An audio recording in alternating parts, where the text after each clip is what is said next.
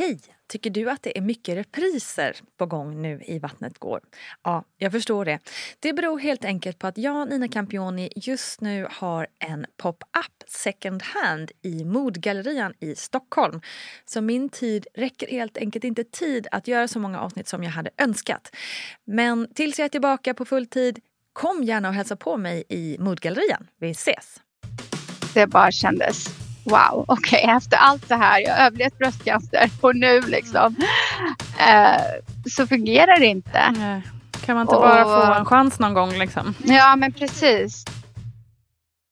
Hello 2022 och varmt välkommen till årets första avsnitt av Vattnet går. Woohoo! Är det nu det händer? Är det 2022 som hela världens problem löser sig och vi alla skuttar lyckliga omkring? Ja, kanske inte. Men jag, Nina Campioni, hoppas åtminstone att 2022 blir ditt år. Jag hoppas att det blir barnmorskans år och kanske vågar man också hoppas på en valrörelse där en ljus framtid står i fokus istället för hat, hot och ja, ljug. Ja, det kanske vi kan våga hoppas på. Hur som, ny podd var det ja, nytt år. Och jag hoppas att jag under 2022 kommer kunna fortsätta leverera spännande, intressanta, lärorika, underhållande och framförallt verkliga historier från landets alla kvinnor till just ditt öra. Och jag hoppas att du fortsatt kommer att hänga med mig och podden 2022 också. Och med det vill jag såklart också tacka för ett fint 2021 tillsammans. Tack för alla fina mejl och DMs ni skrivit. Tack för alla era tankar, förslag, tips och fina ord. Ni och ja, vi, vi gör den här podden tillsammans. Jag vill också rikta ett extra tack till poddens båda experter, barnmorskan Gudrun Abascal och beteendevetaren Paulina Gunnardo. Utan er hade inte podden fått samma tyngd och professionalitet. Det hade liksom bara varit jag som ja, gissat en himla massa. Och gissa, tja, det är kanske inte fullt lika bra som en proffsig expert. Eller vad säger ni? Så tack, tack till er två. Okej, låt oss nu fokusera framåt och på dagens avsnitt. Idag ska vi snacka om ett spännande och hett debatterat ämne som på inget sätt är enkelt att prata om. Nämligen surrogatmödraskap. Och vi ska ta oss över Atlanten till North Carolina och till Adiba Barney. Adiba, född i Libanon men uppvuxen i Linköping, har efter en tid inom teknikbranschen både i Sverige och Silicon Valley nu lagt det åt sidan för att ägna sig åt att genom författarskap och föreläsningar öka kunskapen om spridd bröstcancer. Något som hon själv lever med. Hon är just nu aktuell med boken När livet ger dig kaktusar, gör margaritas. Och förutom surrogatprocessen så kommer vi också prata om ofrivillig barnlöshet, IVF och andra stora frågor. Varmt välkomna! Life is full of awesome what ifs and some not so much, like unexpected medical costs. That's why United Healthcare provides Health Protector Guard fixed indemnity insurance plans to supplement your primary plan and help manage out of pocket costs. Learn more at uh1.com. Ever catch yourself eating the same flavorless dinner three days in a row? Dreaming of something better? Well, HelloFresh is your guilt free dream come true, baby. It's me, Gigi Palmer. Let's wake up those taste buds with hot, juicy pecan crusted chicken or garlic butter shrimp scampi. Mm. Hello Fresh. Stop dreaming of all the delicious possibilities and dig in at HelloFresh.com. Let's get this dinner party started. Quality sleep is essential. That's why the Sleep Number Smart Bed is designed for your ever evolving sleep needs. Need a bed that's firmer or softer on either side? Helps you sleep at a comfortable temperature? Sleep Number smart beds let you individualize your comfort so you sleep better together. JD Power ranks Sleep Number number 1 in customer satisfaction with mattresses purchased in-store. And now, save 50% on the Sleep Number limited edition smart bed for a limited time. For JD Power 2023 award information, visit jdpower.com/awards. Only at a Sleep Number store or sleepnumber.com. A lot can happen in 3 years. Like a chatbot may be your new best friend. But what won't change? Needing health insurance. United Healthcare tri-term medical plans underwritten by Golden Rule Insurance Company offer flexible, budget-friendly coverage that lasts nearly 3 years in some states. Learn more at uh1.com. Du Adiba, när man googlar på dig så inser man att man skulle behöva eh, minst tio avsnitt för att gå igenom allt som har, som hänt i ditt liv. Um, du har ju en fantastisk bok som man, man uh, kan läsa mer kring din berättelse i. Så jag tänker att vi här idag fokuserar på det vi, vi brukar i den här podden. Det låter kanon. Det låter kanon. Jag gillar det. Mm. Din, vi ska också säga att, du, att vi poddar eh, på avstånd. Du befinner dig i USA. Ja. Eh, mm. Och dessutom i en sjuksäng. För du har... Ja. Ja, du... ja precis. Jag, bara någon eh, vecka eller så eh, sen så bröt jag höften. Mm. Hela liksom, eh, höftleden bara krak. Eh, gick sönder mitt i tu. Um, och jag hamnar på golvet med ena benet konstigt positionerat. Mm. Eh, men det är så, det är en del av när man har spridd bröstcancer att eh, speciellt om det har spritt sig till skelettet, mm. att skelettet blir väldigt skört. Mm. För cancern äter på liksom, benen och, och, det blir små, små, små, små hål i, i skeletten. Och, och i, i, för min del så bara gick den sönder helt enkelt. Mm utan någon som helst varning. Jag har ju haft jätte, jätteont såklart i alla dessa år. Uh, men det är svårt att veta att det är så nära. Mm, såklart. Bra, kan man säga. Så att det är tufft. Så jag ligger nu i jag har ganska många månader framför mig av att eh, läka det här. För jag har ju stål och skruvar från övre höften till ner till knät. Mm. Så det kommer ta jättelång tid. Oh, wow. Och det är jobbigt för en som har väldigt lite tålamod som jag har. Så jag har ju sagt att mitt mål nu är att det här ska vara över med, liksom det här, jag ska kunna gå igenom tre månader. Så, ja, det låter som en bra målsättning. Jag ska halvera minimum mm. uh, tiden. Ja. Det känns som, är det någon som kan fixa det så är det du. Du ja. uppskattar verkligen att du trots detta orkar prata med, med mig idag. Um, Absolut. Det ska bli kul att prata. Ja. Speciellt om det som, har varit, som är röda tråden i min bok egentligen och, och som har varit med mig under hela min liksom, vuxna tid där jag har känt den här barnlängtan och allt det. Så det, mm.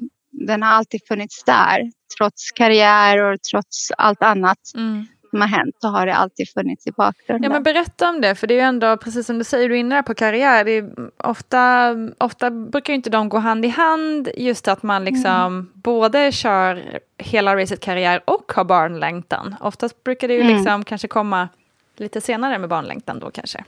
Ja precis, för mig var det aldrig ena eller andra utan det har alltid varit liksom jag började ju få en sån här enorm barnlängtan redan när jag var 25 år. Mm. Um, och, uh, jag bara, och då var jag faktiskt redan gift kan ni tänka dig, med, med min första man då. Mm. Vi gifte oss när jag var 24. Eh, men jag är syrian och ja, det hör till liksom. Man är inte, vi var ändå tillsammans i fyra år innan, mm. innan giftermålet så att det var ändå timing och sådär. Det är en story i sig. att vara syrian och allt det där. Mm. Eh, det tar vi någon annan gång. Okej, vi lämnar det. men, eh, men eh, ja, så den här barnlängtan kom då och jag och då min dåvarande man, jag tog ut min kopparspiral och tänkte att ja, nu, jag är ju bara 25, herregud, det här är väl, ingen tänker väl när man börjar försöka få barn att det här kommer ta vad det tog för mig då nästan 15 år Nej. när jag verkligen blev mamma. Nej, um, så att det, det var en, en start som var eh, ganska tuff på en gång för att det, det funkar helt enkelt inte. Nej. Blev du, kände du liksom redan från början att, alltså fanns det någon liksom redan från början den första gången du märkte att, att det inte bara gick liksom på ett kick. Mm. Eh, blev mm. du, vad kände du då liksom?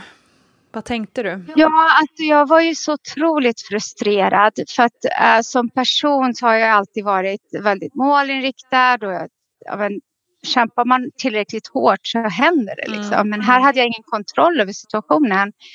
Och vi försökte och försökte och så stod vi på i en sån här um, ehm, IVF-kö då. Mm. Eh, vi blev utredda och det fanns ingen anledning som helst för varför vi inte kunde få barn. Och det är också när det är så oförklarlig mm. barnlöshet mm. är ju jättejobbigt. För man kan inte peka på någonting specifikt, man kan inte fixa någonting specifikt utan det bara går inte. Mm. Eh, och, eh, så, så det, hela den här biten att liksom utredning och allt det, det tog ju sin tid. Så att när jag var 27 så, så hörde de av sig så att ja, men nu är det eran tur. Mm. Eh, och precis i samma veva eh, så vi började liksom gå dit och, och börja göra de här första grejerna man ska göra innan hormonstimulering och sådär förstås. Um, och då upptäcker jag ju en, eh, en, en sån här knöl i, min, i mitt vänstra bröst då. Mm. Som visade sig vara bröstcancer. Så det satte ju liksom stopp för mm. det här med, med mm. barn på en gång. Um, så det var ju första sorgen um, som jag fick vara med om i att ha den här enorma barnlängtan som jag då hade. Och sen då få veta att ja, men nu har du bröstcancer och det kommer ju liksom betyda att du inte kan ens göra någon IVF eller någonting Nej. på flera år för att det kan ju vara en, ett dödsdom att göra det då, mm. liksom, mm. för det är hormonkänsligt och mm. sådär. Mm. Tungt. Ja, precis. Så det, det var, jag kommer ihåg så väl, alltså en av mina sådana här jätteklara, tydliga minnen är att vi sitter där på, hos barnläkare, alltså där IVF-mottagning och jag gråter ihjäl mig. Mm. Jag verkligen så här bara, jag gråter så, så stort. Och det är inte för att jag fått bröstcancer utan det är för att vi inte kunde mm. gå vidare med att skaffa barn. Mm. Uh, så det var en mycket, mycket större sorg för mig mm. än att få den här sjukdomen då. Så mm. att, uh, och jag hade ju sån, uh, min barnlängtan var så stor så att den liksom, jag till och med hade så här, jag utvecklade någon ut, utan foster med någon typ så här gulkroppshinna grej fast som inte var Mm. Vad alltså, uh, Ofosterlig? Uh, ja, ja, alltså precis. Så jag, jag var ju typ skengravid kan man ah, säga. För att ah. jag, var, jag var så mentalt var så liksom fokuserad på att skaffa barn att jag till och med lät min kropp Eh, typ utveckla den här, mm. de här symptomen mm. som jag hade fast jag inte var gravid. Mm. Uh, vilket var helt sjukt att man kan mentalt gå in i något så väl så att mm. det verkligen blir så. Um, så det var en, en, ganska tuff resa. Jag hade, jag kommer ihåg, och, och, speciellt då, för det var ju inte så här sociala medier och så. Det fanns så här forum och jag var ju ganska ung så inga av mina vänner höll på att försöka få barn. Eller, så jag var ganska ensam i det här. Mm. Jag var mm. ensam i den här sorgen att ha barnlängtan. Samtidigt gör jag en grym karriär och jobbar stenhårt och så. Mm. Så det var inte så att jag, mitt privata liv och mitt, mitt liksom professionella liv, det var ju som två olika världar. Jag körde på och jag var, men sorgen fanns där hela tiden mm. i bakgrunden. Uh, väldigt få tror jag visste om hur, om man inte var nära vän med mig, hur, mm. hur tufft det var att bära den här sorgen, mm. att man inte kan få barn. Uh, jag tror man nästan måste ha varit med om det för att verkligen förstå hur tufft det är. Um, och speciellt att många tar så, man, man, tar ju det, man tar för givet att man ska kunna skaffa barn. Exakt. Um, speciellt när man är så ung också. Liksom. Det finns ju ingen anledning rent fysiskt varför det inte ska gå. Nej men precis. Mm. Så det, det var en jättetuff tid uh, att få bröstcancer ovanpå det och behöva liksom gå igenom uh, ja, behandlingar och, och sen ha de här uh, tamoxifen som gjorde att man gick in i klimakterie och, mm. och sådär. Ja, allt det var ju ganska tufft i sig liksom. Mm. Här pratade vi om skengraviditet. Vad innebär det? Alltså idag så, så visst förekommer ju och jag har varit, varit med om det här att kvinnor som har faktiskt kommit, eh, det här var ju på 80-talet någon gång, till, till Danderyd och trodde att de skulle, skulle föda barn och så när man började undersöka då så, så visade det sig att det var ingen bebis i magen. Så Sen vad det beror vad det är för psykiska, psykisk bakgrund till att, att det är på det viset vet jag inte. Men det är kanske alltifrån att en stor önskan att vilja och så blir det inte och så. Så att jag, jag kan inte ge så himla mycket, eh, mycket mera svar på det men att jag har varit med om det. Mm. Och, så, och tvärtom så har det ju också varit att kvinnor varit, har kommit in på akuten och fått barn de visste inte om att de var med barn. Så att det, om det omvända det. finns ännu mer. Omvända, omvända ja. var nog mer vanligt kanske. Intressant, hur som. Ja, det, allt det, det mesta händer ju mellan öronen, alltså i hjärnan på oss. Eller hur? Väldigt mycket som hamnar där uppe. Hur, hur utvecklade, hur gick det med själva cancerbehandlingen och så då? då? Nej men det gick ju bra. Det här var ju jätte, jättetidigt. Eh, de hittade, alltså vi gick ju dit när det bara var en, en jätteliten knöl mm. och um, var goda, god prognos uh, och allt det där. Om jag visste vad jag visste idag mm.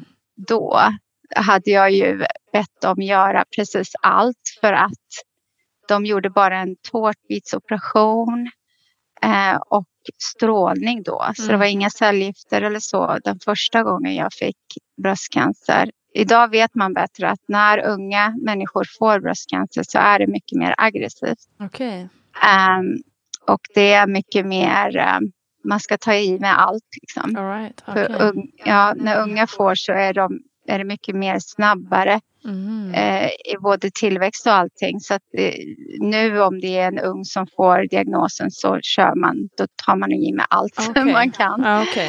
Eh, men sen så äntligen då så så, så, säger då min onkolog att ja, men vi kan nog avbryta det här nu. Du är ju så ung och så där, så du, vi har ju gjort allting och det var ju så tidigt stadie så det finns ju ingen anledning att fortsätta med. Så kan ni börja försöka skaffa barn då. Mm. Eh, och gav okejet till Huddinge fertilitetsklinik. Så att då började vi då göra första IVF och eh, det gick inte. Mm. Så det fungerade inte och såklart att det bara kändes wow, okej okay, efter allt det här, jag har överlevt bröstcancer och nu liksom mm. eh, så fungerar det inte. Nej. Kan man inte och, bara få en chans någon gång liksom? Ja, men precis. Mm. Att det kändes sådär ja, fruktansvärt. Alltså. Och, och, och, fortfarande så var jag ensam i den sorgen. För att jag var fortfarande ganska ung. Mm. Eh, och, och, väldigt få som, som tänkte på att skaffa, mm. skaffa barn och så. Mm. Och sen bara några månader efter det så säger min dåvarande man att han inte älskar mig längre och han vill skiljas. Mm. Eh, så, så det var ju en, en, alltså. en tuff grej. Så vi hann ju bara göra ett IVF-försök tillsammans då. Mm. Men vi hade ju de här embryona i frysen och såklart att när man inte är tillsammans med någon så kan man ju inte använda dem. Nej, så det, eh, så att det var ju, de behåller dem ändå i fem år just in okay. case liksom. Mm. Och sen så, ja, så skilsmässa och sex månader efter det så um, precis när jag började dejta en, en eh, man och jag faktiskt dejtar bara på kul och eh, för att jag skulle flytta till USA. Jag skulle äntligen uh, förverkliga en dröm som jag hade haft sedan jag var liksom, sen jag pluggade mm. och innan jag träffade min för, första man då. Att uh, jobba och bo i USA. Mm. Um, och eh, sa upp mig på mitt jobb på Kista Science City och liksom gjorde alla de där grejerna för att komma iväg till USA. Och en del av att liksom få den försäkring som jag skulle teckna för att kunna eh, vara där eh, den första tiden innan man får så att säga eh, försäkring via jobb och mm. annat krävde att jag gjorde en hel full hälsokontroll. Okay. Och eftersom jag hade haft bröstcancer så ville de att jag gör en mammografi också som mm. en del i liksom det här formuläret. Mm. Jag fick göra precis varenda hälsokontroll man kunde göra och jag gör det och det upptäcks två små nya mm. tumörer i ärren från tårtbitsoperationen. Mm. Men så här jättesmå millimeter små um, tumörer i, i de ärren då. Så att um, Ja, så den drömmen fick läggas på is också. Mm. Eh, och istället blev jag heltidspatient på Karolinska nu då för att nu ville de ju ta i med allting. Mm. Eh, insåg att ja, den här, det kommer tillbaka och det man hade gjort hade inte varit tillräckligt. Liksom. Eh, ja, så då blev det ju cellgifter och hela alltihopa. Eh, och ett ganska både tufft och väldigt händelsefullt och kul år faktiskt. För att jag, jag träffade då en fantastisk man som jag hade som jag dejtade via Match.com och som jag hade bara dejtat en eller två dejter innan eh, jag fick beskedet, diagnosen okay. då. Men han, han ville fortsätta dejta och sådär. Wow, och, ah. eh, och en grej som var så här sjukt kul, eh, eller kul, men det, ja, men det är väldigt udda. Eh, eftersom jag skulle få cellgifter så kan man, man kan ju bli steril av det. Eh, och för mig har ju som sagt barnfrågan alltid varit där mm. och eh, varit viktig. Så att när, jag, när de sa det att nu finns det ju chans att spara några ägg mm. uh, och det bästa är ju att, att också fertilisera, alltså göra embryon för mm. de har större chans att liksom vid upptidning att fungera än bara ägg och så vidare. Så då om du träffar någon nu så kan det vara läge liksom att, mm. att säga det till mm. dem. Jag bara, ja, alltså jag har dejtat en kille i typ ett par månader. det är något som... Där, bara, alltså ja, det är upp till dig. Du får fråga liksom. Eh, så ja, så där sitter jag och eftersom jag var då också i cykeln precis rätt tid så att om jag ville ha de här stimulerande så skulle det hända på en gång för att cellgifterna måste startas, vi kan inte vänta, bla bla bla. Så jag hade liksom ingen tid att ens tänka på saken utan det var bara att köra. Och jag sitter i, i mitt kök med en väninna då som Emma som eh, jag bara behövde råd från. För jag satt och, och, och tog de här sprutorna då. Mm eh, hormonstimuleringssprutorna och pratade med henne. Hur ska jag fråga Magnus då, som var min sambo, eller inte en sambo, då bara dejt, mm. um, om han ville liksom befrukta mina ägg. Mm. När vi bara hade dejtat så kort tid. Um, och det visade sig att uh, det var ju ganska lätt. Jag bara sa det helt enkelt. Ja. Det var bara att, att, säga som det var. Mm. Och sa ja, alltså det här kan ju vara vår enda chans att få vårt egna biologiska barn om det nu är så att jag blir steril av cellgifterna och sådär. Mm. Så att om vi nu är något i framtiden, ah, det är ingen, ja, vi gör, vi kör på. Oh, wow. Han var liksom, ja, ja, eh, ja, nej, mm. men vi, vi kände ju att vi hade något speciellt där och sådär. Så mm. att det var det var det sjukaste att liksom fråga någon man har dejtat så kort tid och befrukta ens ägg ja. innan man ens har... Liksom. Det mest romantiska. Jag har ett dejtförslag ja. här. Precis. Så det var ju sjukt kul. Uh, men han var helt fantastisk. Han ville liksom... Uh, ja, och, och sen så när han fick göra det här uh, spermieprovet då det visade sig att han hade typ 350 miljoner spermier eller någonting så var han ju superstolt såklart. det var väldigt speciellt och, och sådär. Så att, uh, men de, alltså det var så sjukt för när vi var på fertilitetskliniken uh, så uh, frågade de nästan ut honom som en typ så här för de kunde inte tro att det är sant att någon nej, nej. som inte ens har varit tillsammans så länge skulle befrukta ägg tillsammans. Liksom. Så de frågade honom om han gjorde det av egen vilja eller om jag alltså, tvingade honom eller något. så han blev utfrågad. Ja, precis. Han fick liksom världens eh, frågebatteri där med olika frågor och sådär med psykolog och hej och hå. bara, men sluta du, jag har inte tvingar ju ingen göra barn med mig tänkte jag säga. Um, så då hade vi också då, så då helt plötsligt har jag två olika embryoset. Med första mannen som fortfarande var kvar i frysen och andra mannen. Och sen många år framåt kan jag säga att eh, när jag inte var tillsammans med någon av dem längre så fick jag eh, ett brev som hade kommit, jag bodde i USA redan då och det hade kommit till min adress hemma. Mm.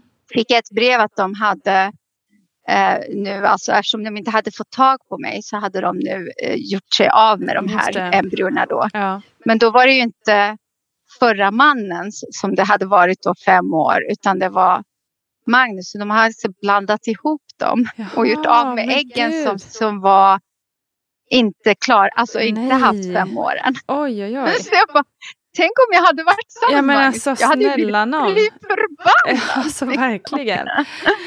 Åh, Men nu var ju herregud. USA och livet var helt annorlunda så det var Ja. så här, um, ja, Men shit, jag tänker om man hade varit i den situationen att det här var, att, Ja. liksom att ja, men vi tänkte ju höra av oss nästa vecka för att vi skulle liksom ta tag i det här nu. Äh, fy, ja men Ja. precis, precis.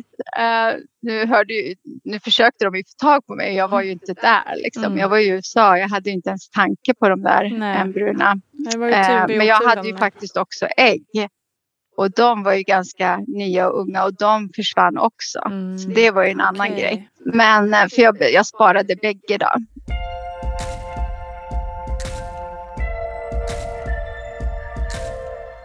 Men hur som haver, så jag har haft många sådana här anekdoter från Ja, min eh, fertilitetstid. Liksom ha två olika sätt av med samma, ja, alltså med två olika män. mm, Men bara en, en samma kvinna så att säga med två män ha embryon. De, ja. Det är ganska galet. Ehm, mm, Men du, så. vad, när du liksom var färdig med den här andra behandlingen då, Mm. vad hände då? då? Ja, alltså Och hur precis. gammal var du då? Ja, då hade jag ju blivit eh, 30. eh, Mm. Så att jag skulle fylla 31 det året eh, när jag blev klar.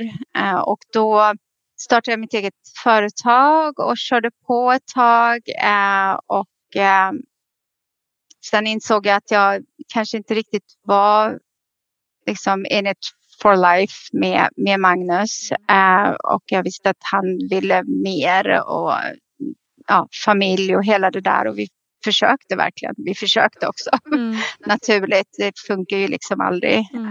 Eh, vi kom aldrig till det att vi liksom gjorde IVF eller så tillsammans. För jag visste någonstans att han kom ju in i mitt liv när det var som mest galet. Jag får liksom återfall i bröstcancer Mm. och nu var det ju alla möjliga galna behandlingar och allting. Och vi hade sånt fantastiskt, sån fantastisk tid tillsammans trots allt det. Mm. Och, och han var en stor del i det. Att jag, eh, för det var då jag bestämde mig för att göra allt som jag hade på min bucket list. Liksom. Mm. Jag skulle hitta på alla möjliga galna saker, vilket vi gjorde tillsammans, mycket av det. Och så. Men jag insåg att det var inte, he wasn't the love of my life, Mm. so to speak. Fattar. Och eh, sen hade jag ju den här drömmen att åka till USA. Den fanns ju där hela tiden också. Mm. Så eh, när jag kom på en idé som eh, senare tog mig dit då. Så, och då, hade jag inte, då var jag inte tillsammans med Magnus längre. Jag kom äntligen iväg till USA. Eh, och eh, det var för att jag kom på ett eh, ganska galet stort projekt att eh, promota Sverige som ett innovativt land worldwide genom en mobil roadshow. Eh, där man berättar storyn om Sverige som ett innovativt land Mm. med, med olika historier. Liksom allt från Ericsson till eh, Atlas Copco, Alfa Laval, alla sådana här riktigt stora och, och gamla företag Mm. till Spotify och Skype och alla de här. Så gjorde vi liksom bara skapa en hel liksom, story kring det och sen leta hela landet efter de små eh, nystartade startups så att Mm. säga. Eh, techföretag Mm. um, som eh, var väldigt, väldigt innovativa. Och så valde vi ut dem och så gjorde vi, satte vi ihop en liten mobilshow Ja, eh, kring det. Eh, och det, de reste runt i fyra år Oh, runt wow. i hela världen. Okej. Men vi lanserade det då i Silicon Valley Mm. för att göra, det är ju väldigt lång story kring det, men för hela min karriärbakgrund har ju varit i svenska startup och Mm. um, såna här science parks, science eh, cities och, och sådär. Jobbar mycket med um, både med företagen i sig men också med startups men också att jobba med olika regioner som är väldigt så innovativa Okej. och, och hur vi ska promota det och bygga varumärke kring det. Mm. Så det, den pitchen gjorde jag för Svenska institutet eh, som ligger under UD. Eh, och det tog kanske ett och ett halvt år innan de kom tillbaka till mig och sa att vi kör på. Mm. Så då, eh, och då bestämde vi att Silicon Valley skulle vara där vi lanserade det. Mm. Och det var så jag flyttade dit Okej. i mars 2011. Bra där, gör reklam för Sverige. Det var inte dumt.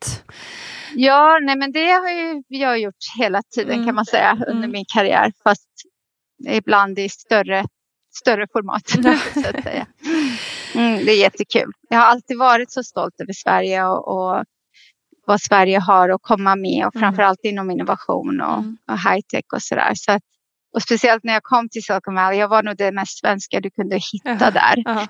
Eh, och det är komiskt för att eh, du ser ju mig nu, jag är ju verkligen, eh, ser ju inte så svensk ut. Mm. Så att jag var den som såg minst svensk ut och var mest svensk ja. Eh, för, för Sverige i utlandet ja. kan man säga. om, om du skulle ha en slogan. För Sverige i utlandet. så att, eh, jag tror aldrig jag har känt mig mer svensk än när jag um, flyttade till Silicon Valley. för varje gång det var någon minister som skulle komma eller någon ja, men någon typ så offentligt besök till Dalen eh, så, så kom, tillfrågades jag att komma och prata om ja, ja, ja. Vad, vad vi gör och sådär. Ja. Um, så att det var verkligen så här. Så man gick runt med svenska svenskan. flaggan. Liksom. Vi ringer på svenskan.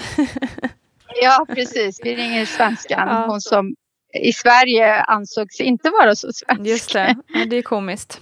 Ja, det är verkligen komiskt. Mm. Uh, men det var jättekul. Jag älskade verkligen göra allt det där.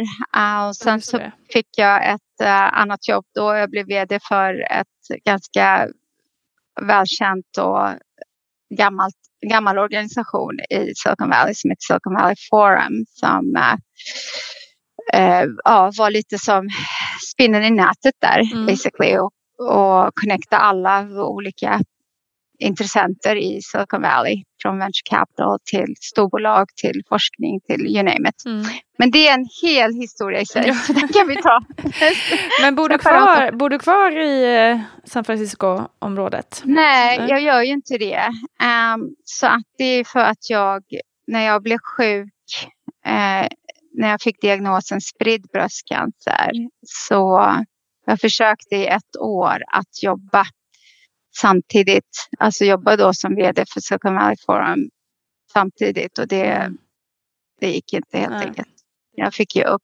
Um, det jobbet jag hade var så extremt intensivt mm. att det fanns inte en chans på denna jord att jag kunde kombinera mm. det. Och för mig var det liksom heartbreaking. Jag, det var nog en av de mest liksom, tuffaste tiderna att ge upp något mm. som jag har kämpat och älskat så mycket mm. i min karriär. Mm.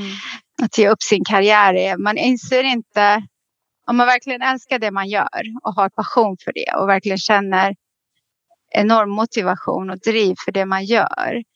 Uh, när det tas ifrån en, man har inte mm. valt att göra det själv utan det tas ifrån en. Uh, som jag säger att cancer stal min karriär kan man säga. Mm jag hade kämpat så hårt för. Jag hade ju massa mer mål och drömmar och sådär. Um, det, usch, det var tungt. Jag blev extremt deprimerad och mm. hade en identitetskris mm. um, under några månader där. Innan jag insåg att jag kunde faktiskt använda allt det, all den kunskap och allt det driv jag har att göra skillnad i spridd bröstcancer community som advocate. Så det blev så. Mm.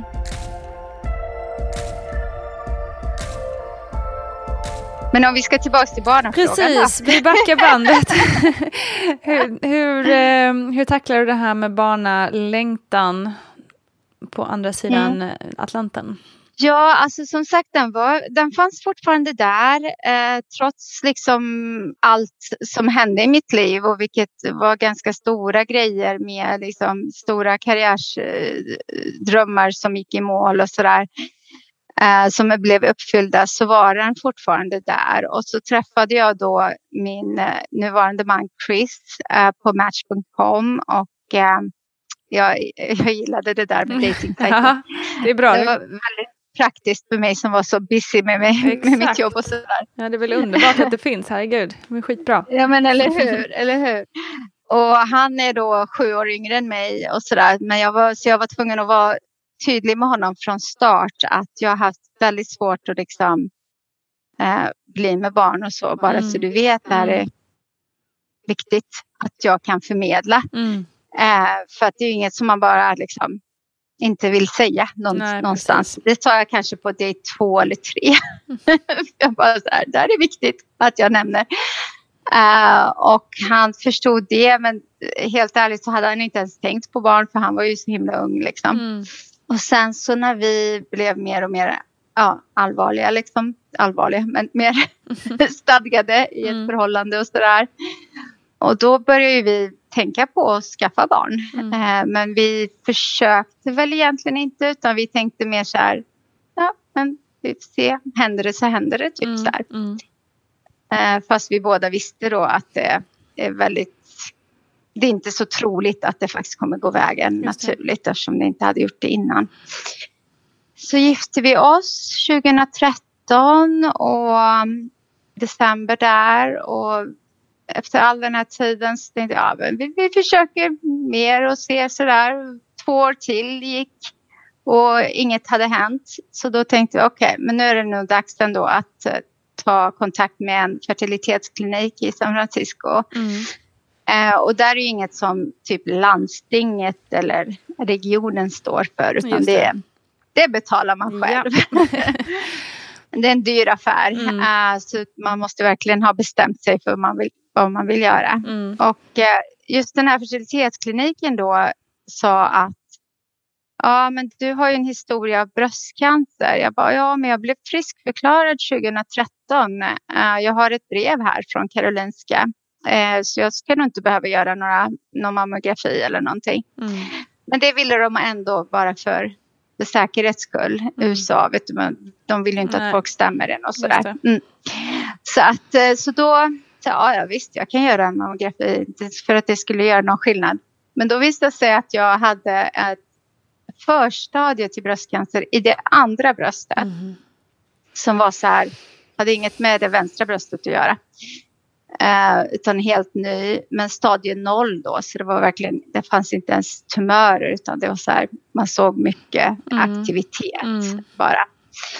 Eh, jag bara okej, okay. eh, men det är ingen fara för det är så tidigt så det är bara att ta bort bröstet, uh, operera bort det så är det bra igen. Okay. Um, så jag tänkte okej, okay, ja men det är så inga behandlingar eller någonting sånt eftersom det var ett förstadie så mm. det var inte ens någonting så allvarligt att man behövde göra det.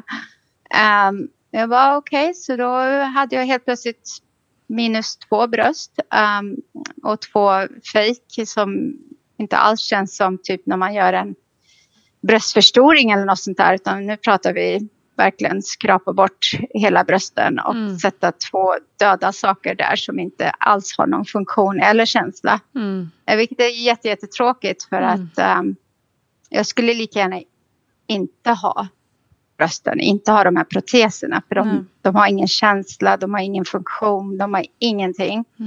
Men det var också samtidigt den här det här jag hade haft någonstans i bakhuvudet att jag har ju alltid tänkt att jag har ett bröst jag kan amma med mm, när den det. dagen kommer. Mm. Helt plötsligt hade jag inga. Mm. Och eh, någonstans så, så sörjde jag det också mm. i det hela. Eh, men just då var det ju fortfarande så att jag, ja, jag hade, visste ju inte då om det här spridd och sådär. Och sen under tiden som jag återhämtade mig från operationen så hade jag svårt att andas. Jag fick tryck på bröstet. Eh, så jag tänkte vi åker in till akuten och de eh, såg att jag hade vätska på lungorna. Mm. Eh, som de dränerar då. Och, men den scannen, röntgen de gjorde, kroppsröntgen visade också att jag hade massa olika, massa spots, alltså som, som man såg i, i CT-scannen. Mm. som då tyder på att jag kan ha haft metastaser i ganska lång tid, under lång tid, som har spridit sig då i mitt skelett. Um, och vi ville liksom inte tro det. Nej. Det här var det, var det värsta oh, som fan, kunde alltså. någonsin hända. Liksom. Mm. Um, att gå från att vara så här jätteglada och, och så, nu ska vi äntligen, mm. nu ska vi äntligen skaffa barn. Och ja, för mig har ju det varit en det har varit en lång resa mm. som jag um, hade väntat på den här stunden. Mm. Um, och sen veta att ja, men nu hade jag fått en sjukdom som inte bara vara att göra behandlingar och så är man klar och så får man ringa klockan utan, eller ringa eh, så, utan eh, nu handlar det om, jag kanske inte lever till 40 Nej. eh, och jag kommer aldrig bli mamma. Mm. Det var de två sakerna som direkt liksom, Mm. för de sa att ja, två till tre år i snitt vad vi, vad vi ser Mm. i, i liksom överlevnad. Ursäkta. Och det rinner lite gråt här. Ja, men det Bara få ut det. vore konstigt annars. Ja. Bara ut med det om du känner. Ja, men eh, så det, det var en, en, en väldigt tuff tid. Och så tufft det var. eh, Ja, men alltså jag måste fråga, hur, hur kommer man ens liksom ur sängen efter ett Ja. sånt besked? Ja.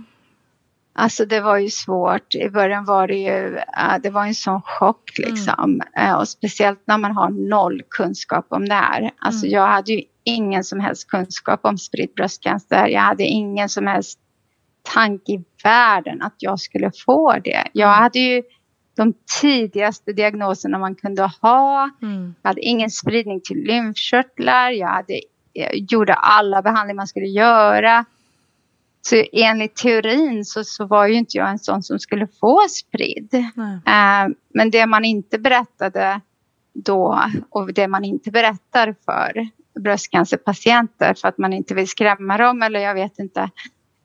Är att när det sprider sig via blodet och det är omöjligt att veta om det har gjorts det. Um, man kan inte se det och det räcker ju med bara några få celler som, som sticker iväg. Men att de cellerna också kan gå i ID och de liksom kan sova i flera år och sen helt plötsligt börja bröka sig. Så att jag kunde ha fått spridningen redan från Från första 2005 början. då när jag fick Mm. min första diagnos. Mm. Um, Åh, fy fan vad obehagligt. Alltså det här. för de kan sova i typ 5, 10, 15, 20 år. Det är sjukt. Mm. Ehm, och att det är ungefär en av tre av bröstcancerpatienter kommer att få spridd bröstcancer. Det Mm. säger man ju inte heller. Nej. Det är inget man nämner under Nej. allt det här Nej. rosa fluffet. Liksom. Nej. Usch, alltså det är, ja för fan. Det är så jäkla, känns orättvist. Ehm, Ja, alltså Ja, det är ju det det man ju det. tänker. Man tänker Mm. orättvist, man tänker massa de här sakerna. Liksom. Man är i Mm. chock.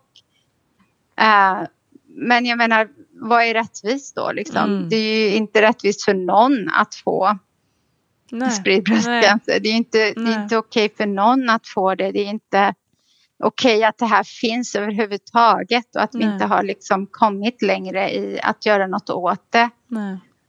Och anledningen är att vi har inte fokuserat på rätt saker. Vi har inte Mm. fokuserat forskningen på att det faktum på spridd bröstcancer. Väldigt mycket av forskningen har gått på att hur ska vi se till att man inte får bröstcancer, vilket Mm. inte har gjort någon som helst skillnad mer än att folk upptäcker det mer tidigt Mm. nu än vad man gör då. Men som sagt, tidigt är ingen garanti för att inte få spridd. Nej. men det är en lång, det, det Mm. kör jag egna debatter kring ganska ofta och sådär. Ja, men det är ju bra. Vad gäller, för att det är, ja, det är mycket det jag gör idag. Mm. Är att jobba med liksom um, få ut kunskap om spridd Mm. bröstcancer men också att fokusera mer av forsknings, um, Just det. insamlingspengar till Till forskning det. för just Mm. spridd bröstcancer. Bra. Men där var i alla fall, där var min, när det hände så var det ju den största sorgen som Mm. jag fick var verkligen så här, jag kommer inte bli mamma. Mm. Jag kommer aldrig bli mamma. Mm. Hur många år sedan är det du fick den eh, diagnosen? Eh, så det är då 2015, så det är snart sju år. Mm. Det var tidigt 2015 som jag Mm. fick det. Mm. Så det är snart sju år sedan och jag är fortfarande här. Eh, tack vare forskning, tack vare nya behandlingar som har kommit på marknaden. För Mm. nästan fyra av fem av de som jag har, behandlingar som jag tar, har varit helt nya på marknaden under Okej. den tiden som jag har levt Okej. med, med spridd bröstcancer. Mm. Så jag har verkligen Wow. fått så här, nyaste som har kommit Ja, hela tiden. vad otroligt. Ja, och det gäller ju för alla olika subtyper, inte bara hormonkänsliga utan trippelnegativa, HER2-positiva. Eh, det har kommit nya behandlingar för alla de olika subtyperna och väldigt mycket är mer personliga, eh, det vill säga anpassade efter den typen av mutationer du har i kroppen och sådär. Mm. Så mycket mm. är på, man kollar DNA, ens gener och så okay. Eh, och ser om man, och det är dit vi måste komma liksom. Det går mm. inte att tro att du bara kan ge cellgifter rakt av och alla ska få samma. Nej, just det, precis. Och påverka Nej. på samma vis. Och det är det som har varit att jag har ju tur då för att jag är en av 25 procent som har levt längre än fem år. Mm. Eh, och eh, det är fortfarande så låg siffra som lever längre än så. Och ju mm. mer närmare du kommer tio år så går det ner dramatiskt i procent som, som lever så länge då. Mm. Eh, och det är ju tack vare att jag har de behandlingar jag tagit har jag verkligen fått bra respons. Mm. Så. Eh, och det är verkligen inte alla patienter som får det. Och det är därför snitt, snittöverlevnad är fortfarande väldigt låg. Mm. Så vi måste ha så mycket mer forskning, mm. så många fler behandlingar mm. innan vi kan kalla den här sjukdomen för kronisk, vilket man redan gör i Sverige, vilket är helt galet tycker jag. Mm. Så att eh, det har jag varit ute med mycket att jag tycker det är sjukt och hål i huvudet att man kallar eh, spridd bröstcancer för en kronisk sjukdom. Okay. Det är bullshit. Mm. kronisk sjukdom är något man kan leva med mm. ganska normalt i resten av ens liv. Liksom. Mm. Så.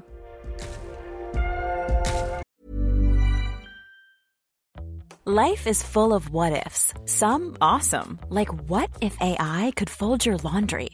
And some, well, less awesome. Like what if you have unexpected medical costs?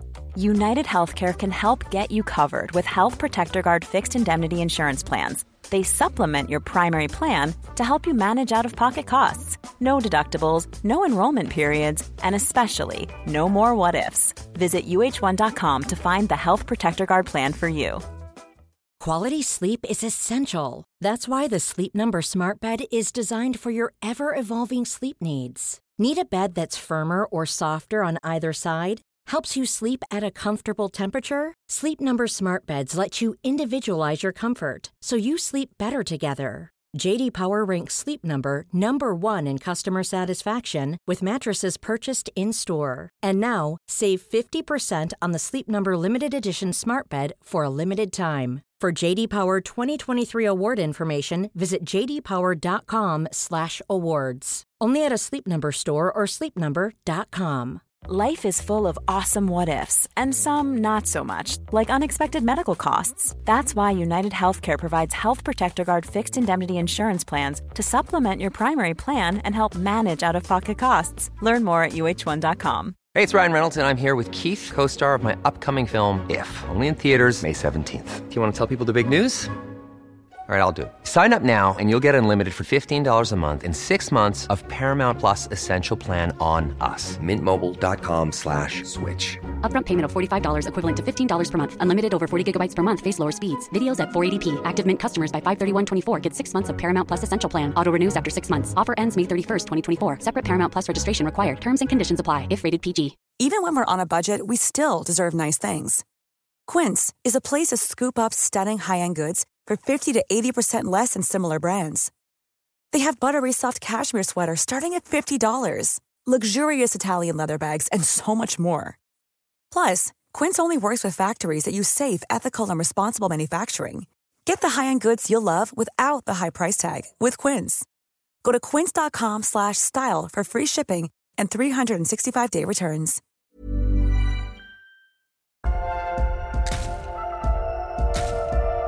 Anyways, så ja, det var de, de grejerna som hände där då och, eh, och då var det ju verkligen liksom, det var så deppig tid och innan jag insåg att jag kunde göra någonting för, för spridd bröstcancer-communityt, att mm. jag kunde använda den person mm. jag är. Så att jag fick en mening med livet mm. igen. Mm. Um, jag fick ett purpose liksom. Och mm. vi flyttade, vi flyttade hit sen några år efter för att för mig var det liksom det var jobbigt att vara i det området där jag, det jag älskade att göra Mm, i min karriär fanns bara runt hörnet. Man kan inte bo i San Francisco eller Silicon Valley utan att få liksom bli bombarded med allt som har med tech och startups och Mm. allt det där. Mm. Helt klart. Mm. Men innan det då, så den behandling, den andra behandling som jag fick fungerade jätte, jättebra. Mm.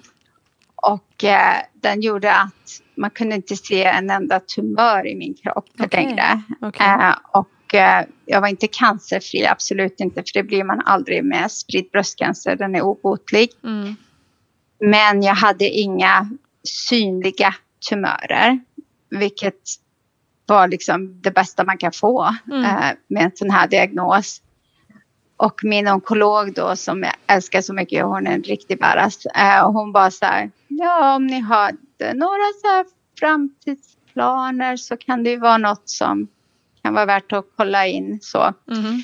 Man vet inte. Jag, jag skulle vilja säga att din livsprognos ser verkligen mycket bättre ut nu när jag ser hur bra du har reagerat på det här, den här Mm. behandlingen. Mm. Och innan jag hade börjat den behandlingen så var det väldigt viktigt att jag inte hade någon östrogen i kroppen alls. Så man tog bort, man ville att jag skulle vara postmenopausal, alltså Okej. efter klimakterie eller vad man ska kalla det i Sverige. Mm.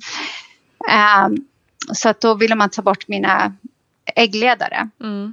Så innan de tog bort äggledarna så frågade de mig om jag ville spara någonting. Och eftersom jag inte kunde stimuleras så finns det ett speciellt sätt att göra det i USA.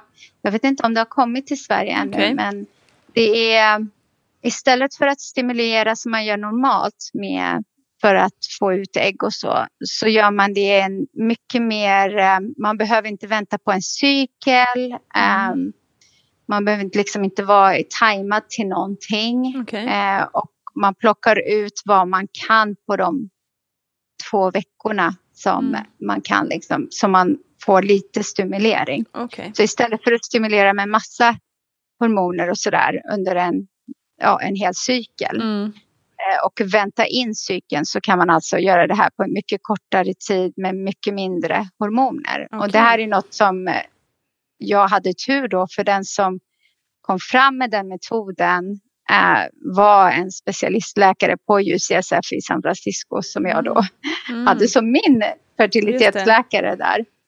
Eh, så jag hade ju tur att jag var på rätt plats eh, i rätt tid så att säga. Mm. Så vi gjorde den grejen och vi fick ut tre bra ägg. Mm. Bara tre bra ägg. Och vi eh, befruktade dem. Också hela befruktning och allt det där också sker på ett annorlunda sätt då. Befruktar dem på en mycket tidigare dag än vad man normalt gör. Och eh, helt plötsligt så hade vi tre väldigt bra graderade embryon. För er som är, vet om sådana här saker, gradering är jätteviktigt. Mm. Ehm, så jag hade två som var toppgraderade och en som var bara något under liksom, Okej. toppen. Mm. Ehm, så det var ju bra, men Mm. samtidigt sa den här fantastiska fertilitetsläkaren, men som var badass i sin field, liksom, han vet det, han är som en gud i den här världen. Liksom. Ehm, han sa att du har 7% chans att eh, en av de här embryona ska fungera, Mm. trots allt. Eh, Ja. Eftersom du har gått igenom mycket med cancerbehandlingar, du har gått alltså, under hela din livstid, du är ganska gammal. Eh, för då var jag ju 37. Mm. Men jag tänkte att ja, men 37 är bättre än 40 i alla fall. Ja, Ja, precis. Jag menar, Tänka ja, jag ser det positivt. som någonting i alla fall. Ja. Eh, Så jag sa, ja, du ser 7 procent, jag ser liksom eh, världens möjlighet här. Mm. Jag ser en dröm verkligen gå i uppfyllelse, bli mamma liksom. Mm. Eh, men då var det ju inte en chans när vi väl sparade och frös ner dem. Fanns det ju inte en chans att vi tänkte att vi skulle skaffa barn då. För då var jag ju fortfarande, visste vi inte ens om behandlingen skulle fungera på mig Nej. och sådär. Nej. Men när den väl gjorde det så började vi då tänka på vad vi ska, vad vi ska göra. Mm. Och det kan jag säga, det var inte lätt. Nej, det förstår jag. Oh my god. Verkligen. här jag var- kan inte det ens det föreställa mig men ja, fy, hur gick tankarna där liksom? Ja, alltså bara tänka, bara tanken att skaffa barn när man vet att man lever med en sjukdom som kommer döda en Mm. förr eller senare liksom. Mm. Och, och alla skuldkänslor, alla Mm. skuldkänslor som kommer med det. Och alltså jag, vi var tvungna att så här, och framförallt jag då, jag var tvungen att sörja för det barnet. Mm. För den sorg det barnet skulle ha innan jag ens hade ett barn. Mm. Alltså jag var tvungen att gå igenom hela den emotionella Mm. resan. Liksom. Allt det där. Mm. Och det var så jobbigt. Jag träffade terapeut och eh, så när folk frågar mig liksom hur, hur tänkte jag? Alltså det var ju inte ett lätt beslut. Det tog tid att processa och det tog tid att bara gå igenom hela den här emotionella resan. Både Mm. för mig och min man. Mm. Att han var tvungen att vara okej någonstans. Att han kommer att vara ensamstående förälder Mm.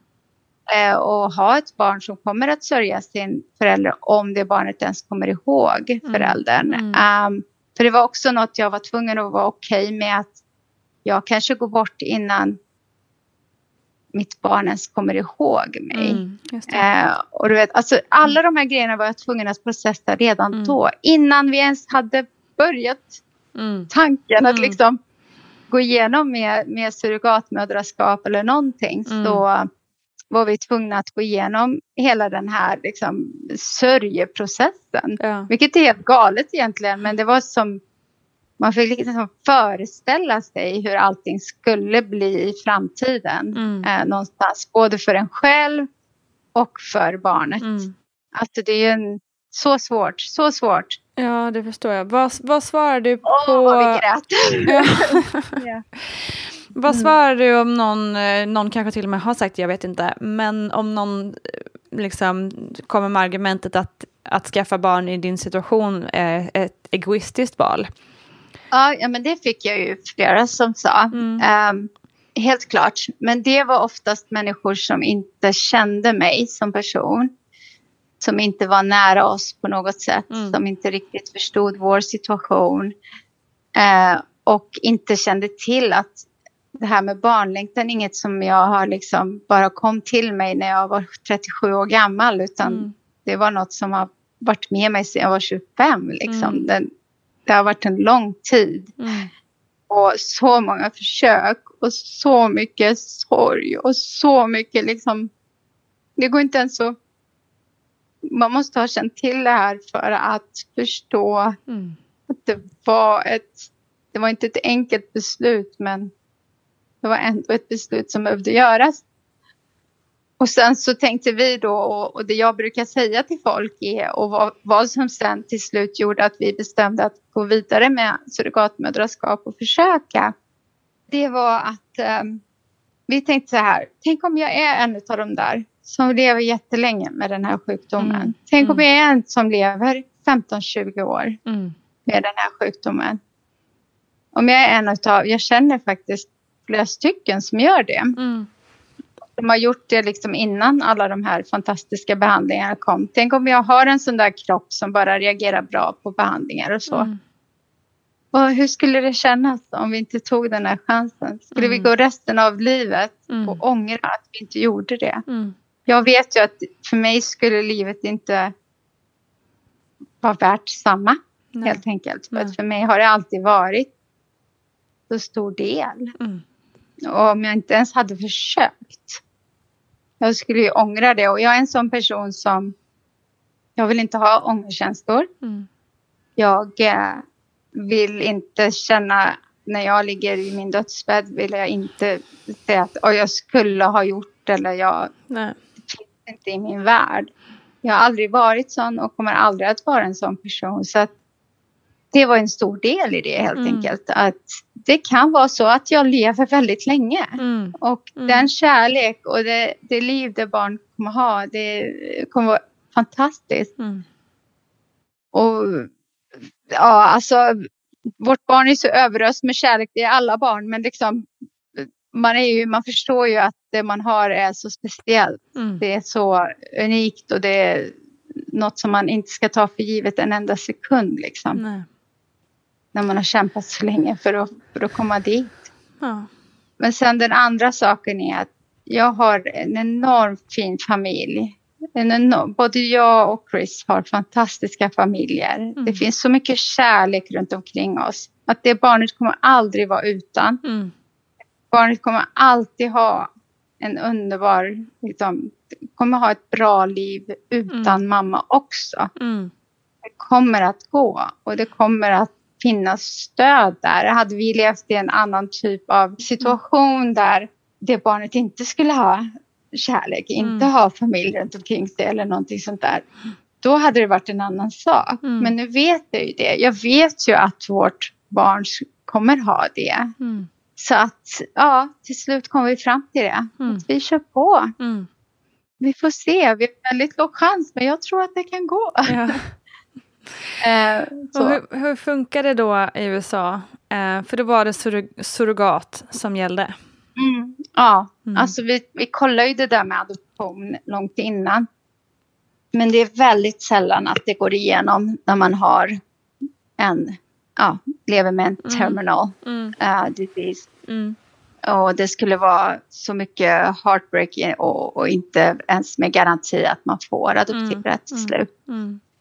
Mm. Så för oss var ju det det enda Mm. som fanns kvar var surrogatmödraskap.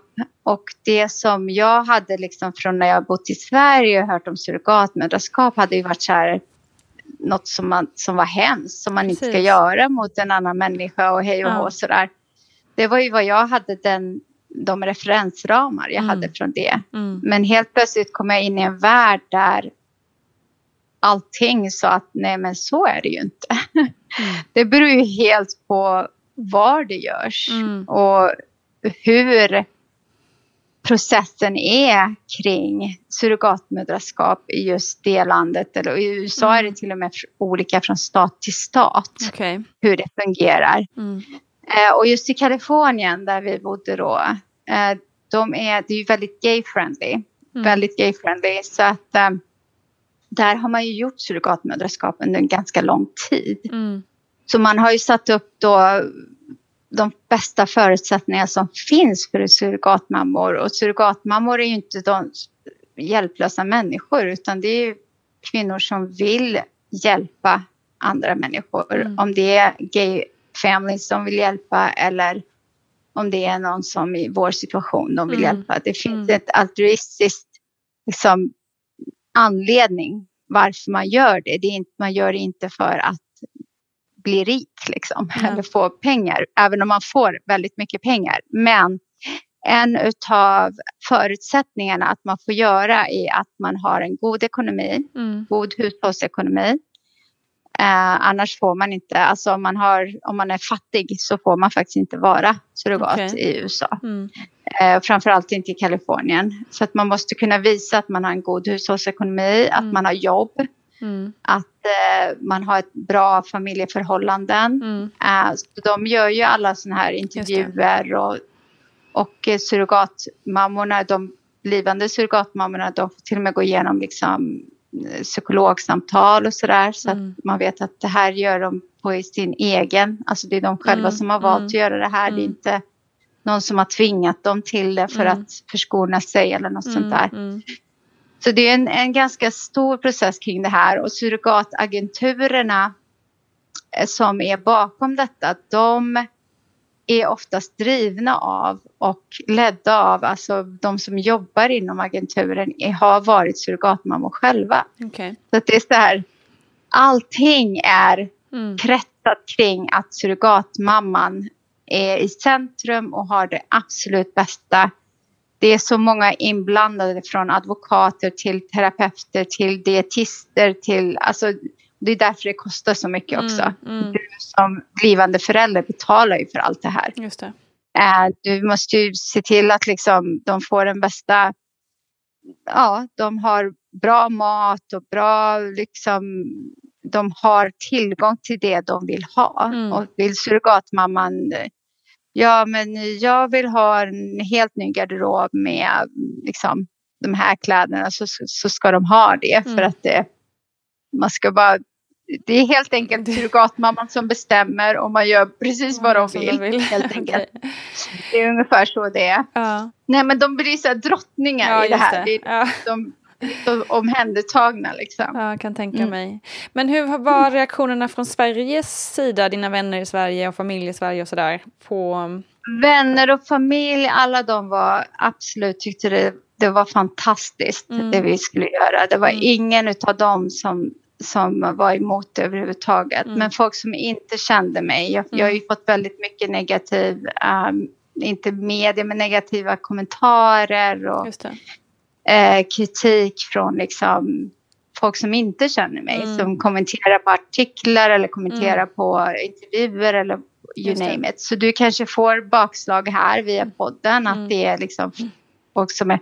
För det finns de som är väldigt anti och vill inte öppna upp ögonen för att det är fungerar olika beroende på Mm. var det här görs. Mm. Eh, det är inte precis som du kanske... För grejen är, om du inte har det legalt, om det inte så att säga finns någon kontroll över det.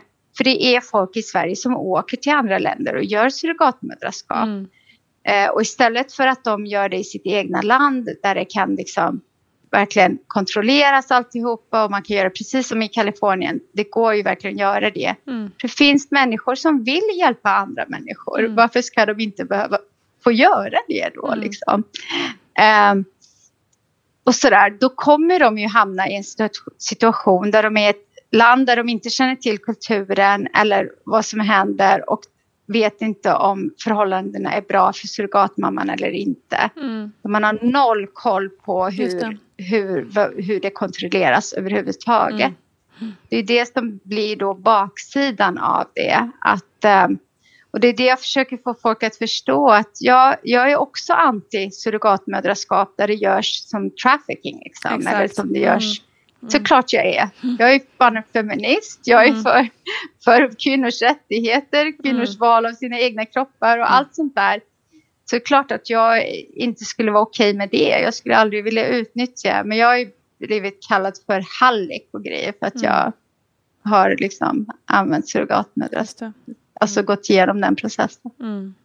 Och har en surrogatmamma. Och det roliga är att liksom Misha då, vår um, surrogatmamma, hon... eh, alltså jag tror inte jag har träffat någon som är så badass som hon är. Mhm. Det finns ju ingen på denna jord som kan säga till henne vad hon ska göra. Liksom. Hon är så jäkla grym.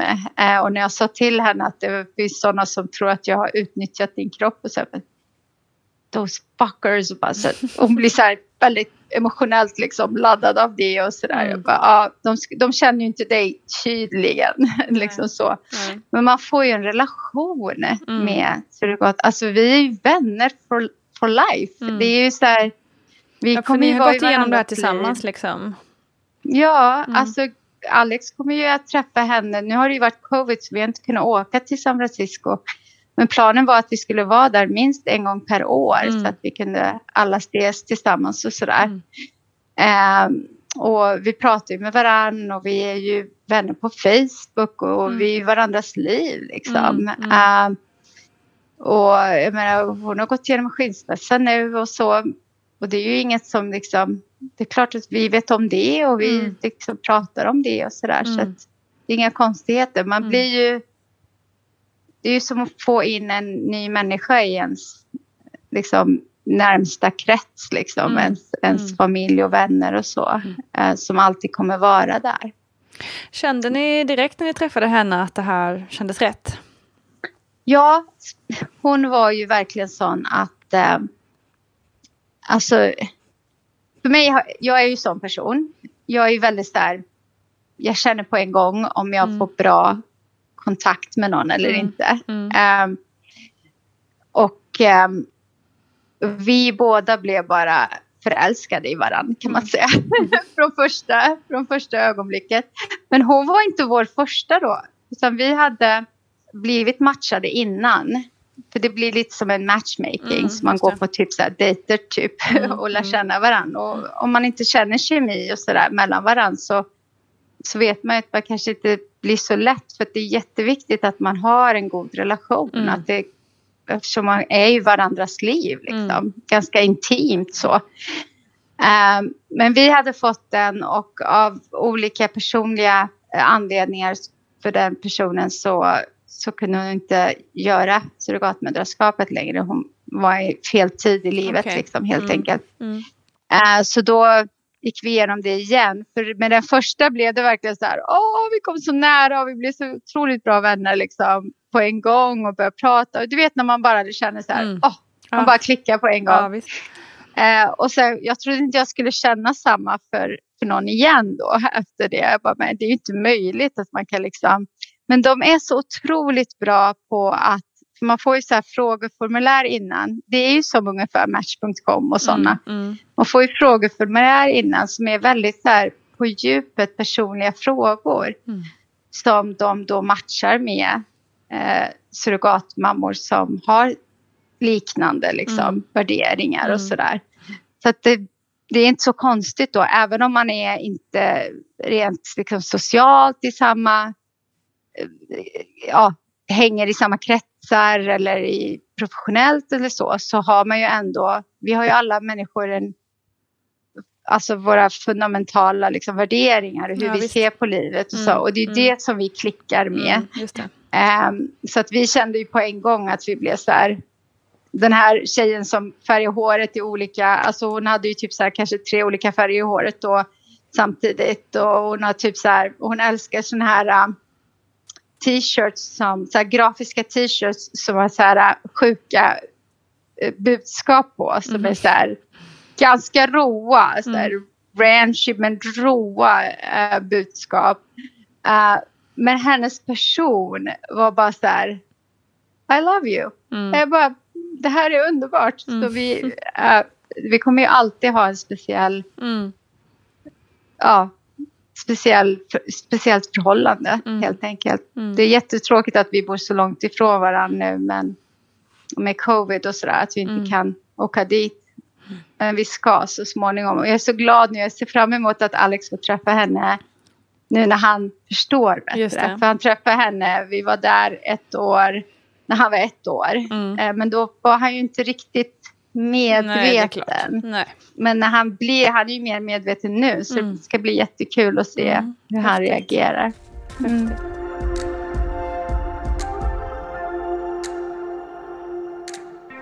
Alltså hur kändes det när ni fick veta på att, att det hade funkat, att hon var gravid?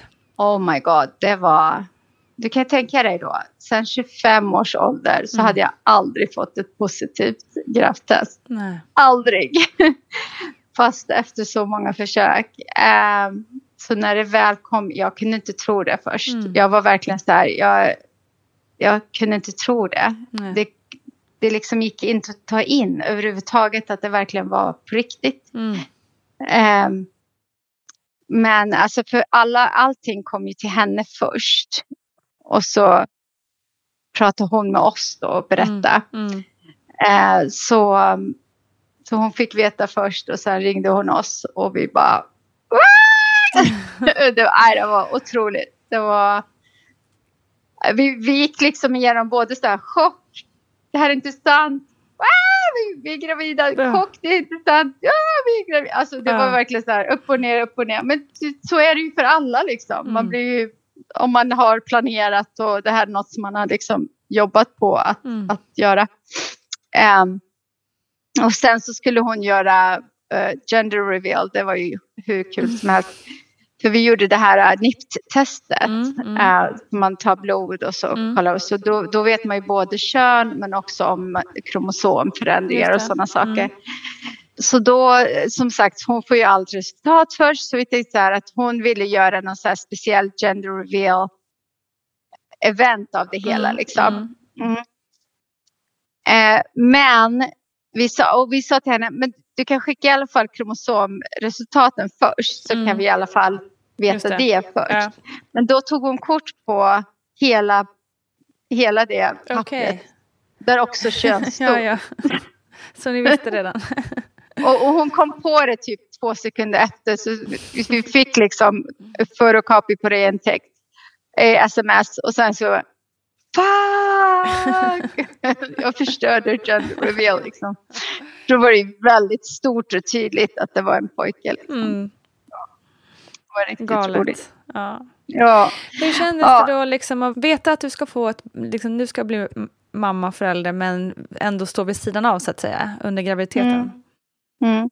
Det roliga är att innan, innan allt det så trodde jag att det skulle bli jättekonstigt. Mm. Eh, och jag trodde att det, jag skulle bli ledsen och Mm. vara liksom... Eh, men helt ärligt så var det... Det kändes inte märkligt alls. Mm. det var inte liksom... Det, det är klart att vid vissa tillfällen kände att jag, ja, vi har inte liksom... Jag har inte, bär inte barnet inom mig och så, men vi hade så fin relation med, med Misha att det blev aldrig konstigt liksom. Mm. Ehm, det bara, tiden bara flöt på. Det, det bara gick liksom. Mm. Vi var ju med på alla, alla besöken. Vi gjorde ju alla grejer som hon gjorde. Så att, Mm. eh, vi var ju Mm. med henne på allting. Och det var Mm. typ som att jag var pappan. Så vi Ja, var som det. två pappor liksom. Så att, Mm. Ungefär som papporna upplever graviditet kan man Mm. säga. Mm. Så det var väl så jag fick uppleva det också. Men eftersom jag hade redan accepterat och redan långt innan förstått att jag kommer inte bära barn själv.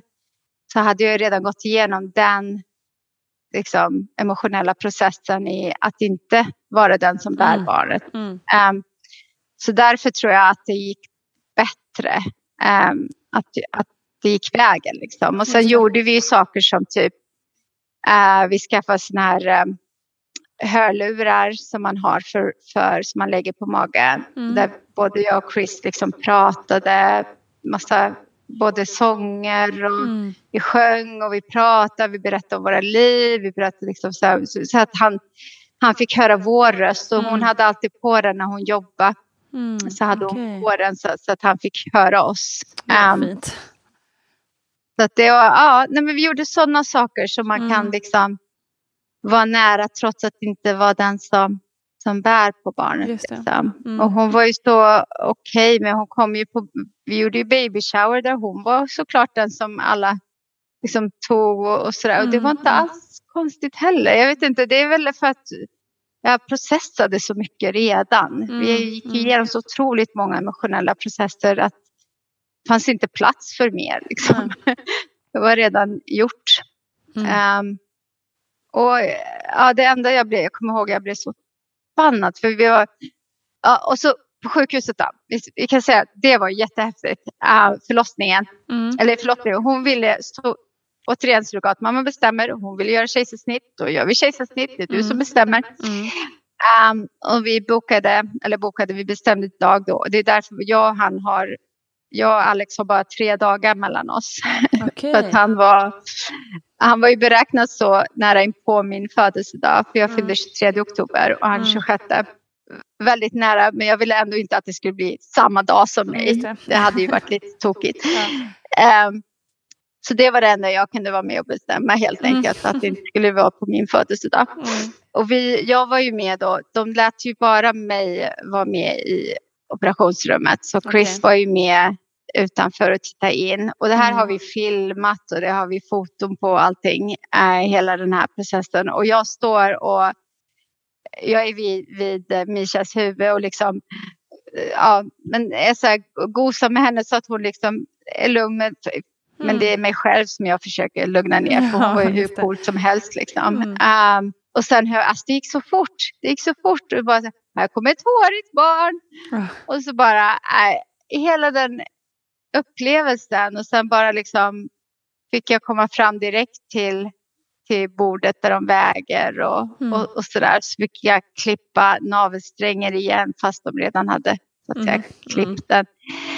Eh, och sen eh, tog de hand om Misha såklart för det var ju kejsarsnitt så de var tvungna att ta hand om alla Mm. operationsgrejer och sådär. Mm. Och sen så fick Chris också komma in och så kom vi till vårt... Och vi, vi bestämde då, tack vare att Misha ville ha det så också, att vi skulle få rum bredvid varann. Mm. Så att hon skulle vara med oss även efter och sådär.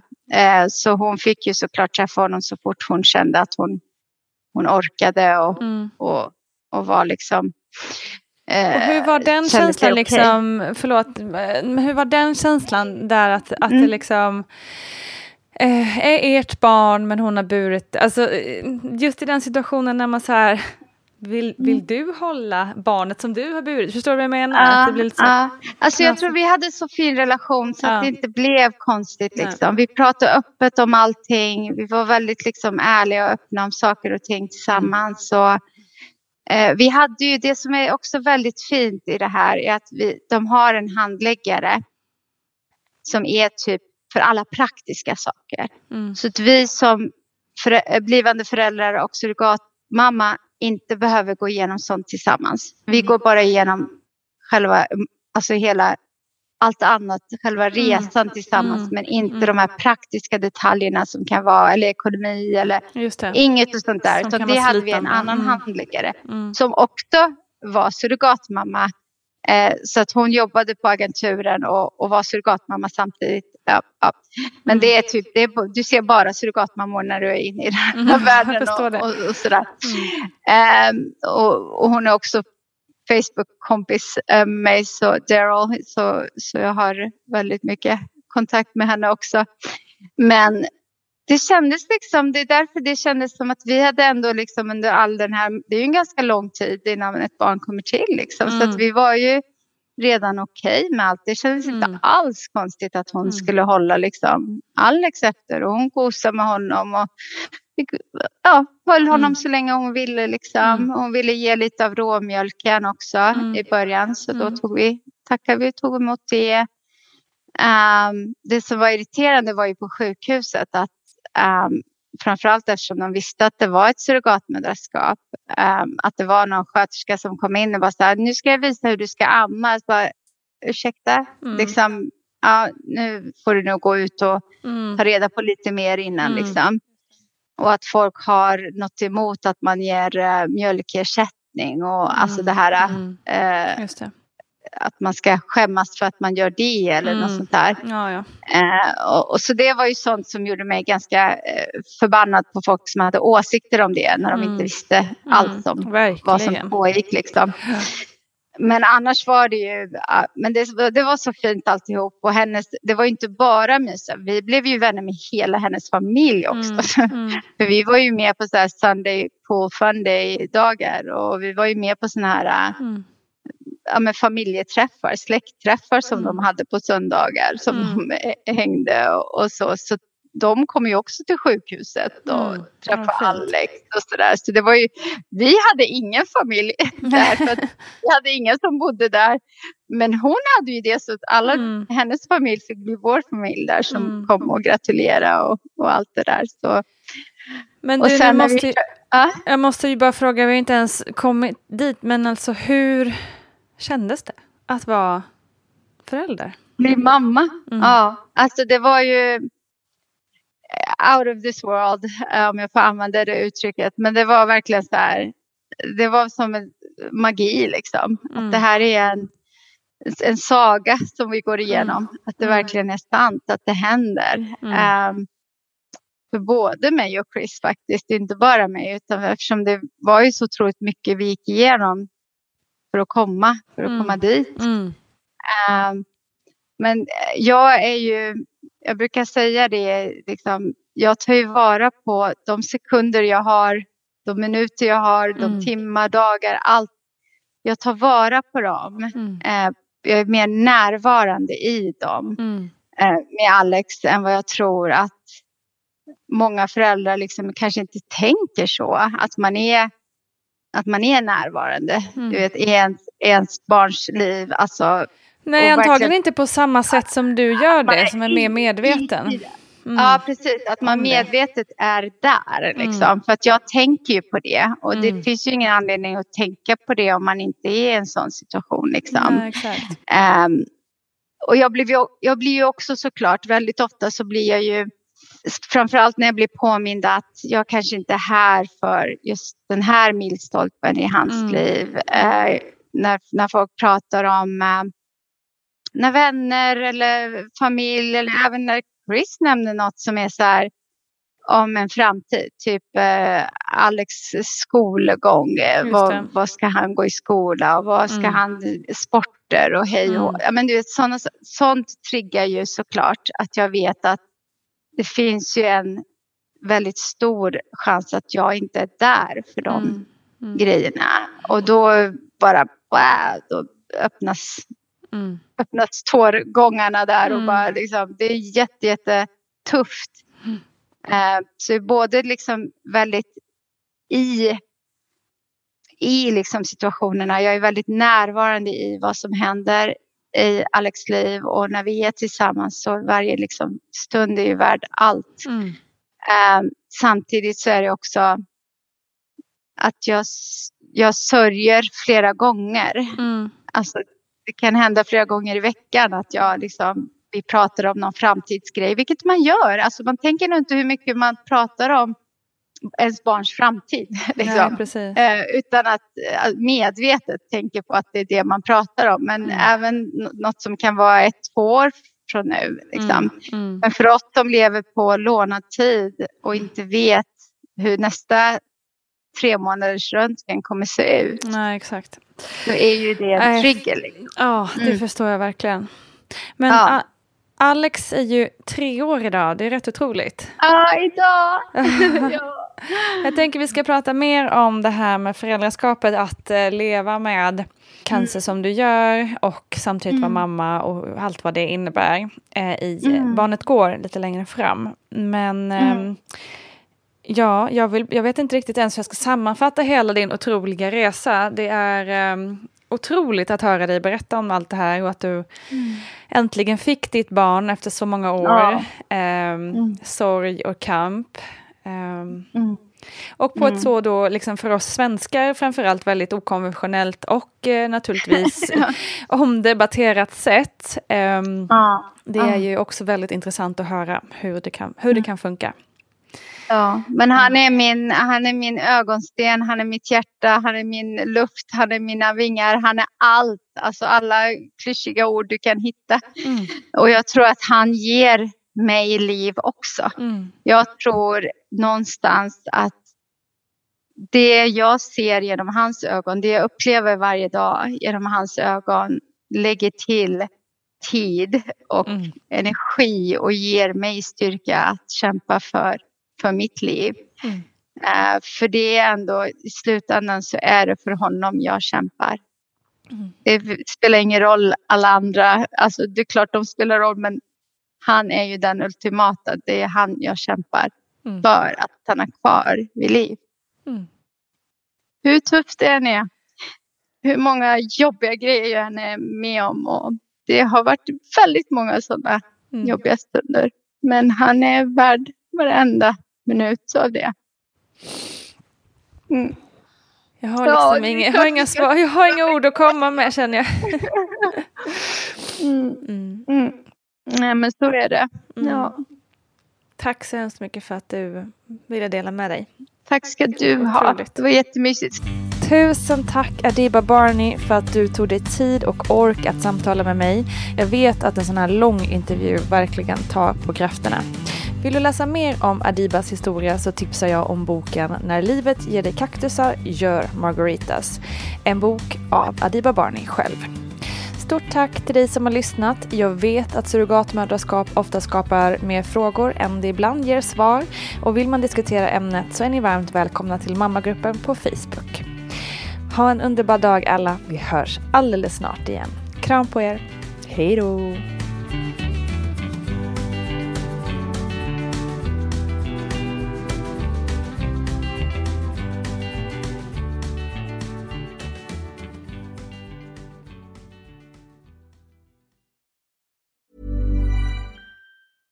Ever catch yourself eating the same flavorless dinner three days in a row?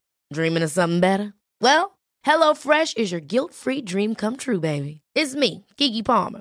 Let's wake up those taste buds with hot, juicy pecan-crusted chicken or garlic butter shrimp scampi. Mm. Hello Fresh. Stop dreaming of all the delicious possibilities and dig in at HelloFresh.com. Let's get this dinner party started. Hi, I'm Daniel, founder of Pretty Litter. Did you know cats tend to hide symptoms of sickness and pain? I learned this the hard way after losing my cat, Gingy. So I created Pretty Litter, a health monitoring litter that helps detect early signs of illness by changing colors, saving you money and potentially your cat's life. Pretty Litter is veterinarian developed, and it's the easiest way to keep tabs on your fur baby's health right at home. Go to prettylitter.com and use code ACAST for 20% off your first order and a free cat toy. Terms and conditions apply. See site for details. Imagine the softest sheets you've ever felt. Now imagine them getting even softer over time. That's what you'll feel with Bowl and Branch's organic cotton sheets. In a recent customer survey, 96% replied that Bowl and Branch sheets get softer with every wash. Start getting your best night's sleep in these sheets that get softer and softer for years to come. Try their sheets with a 30-night guarantee. Plus, get 15% off your first order at bowlandbranch.com. Code BUTTERY. Exclusions apply. See site for details. Planning for your next trip? Elevate your travel style with Quince. Quince has all the jet setting essentials you'll want for your next getaway, like European linen, premium luggage options, buttery soft Italian leather bags, and so much more. And is all priced at 50 to 80% less than similar brands. Plus, Quince only works with factories that use safe and ethical manufacturing practices. Pack your bags with high-quality essentials you'll be wearing for vacations to come with Quince. Go to quince.com/pack for free shipping and 365-day returns.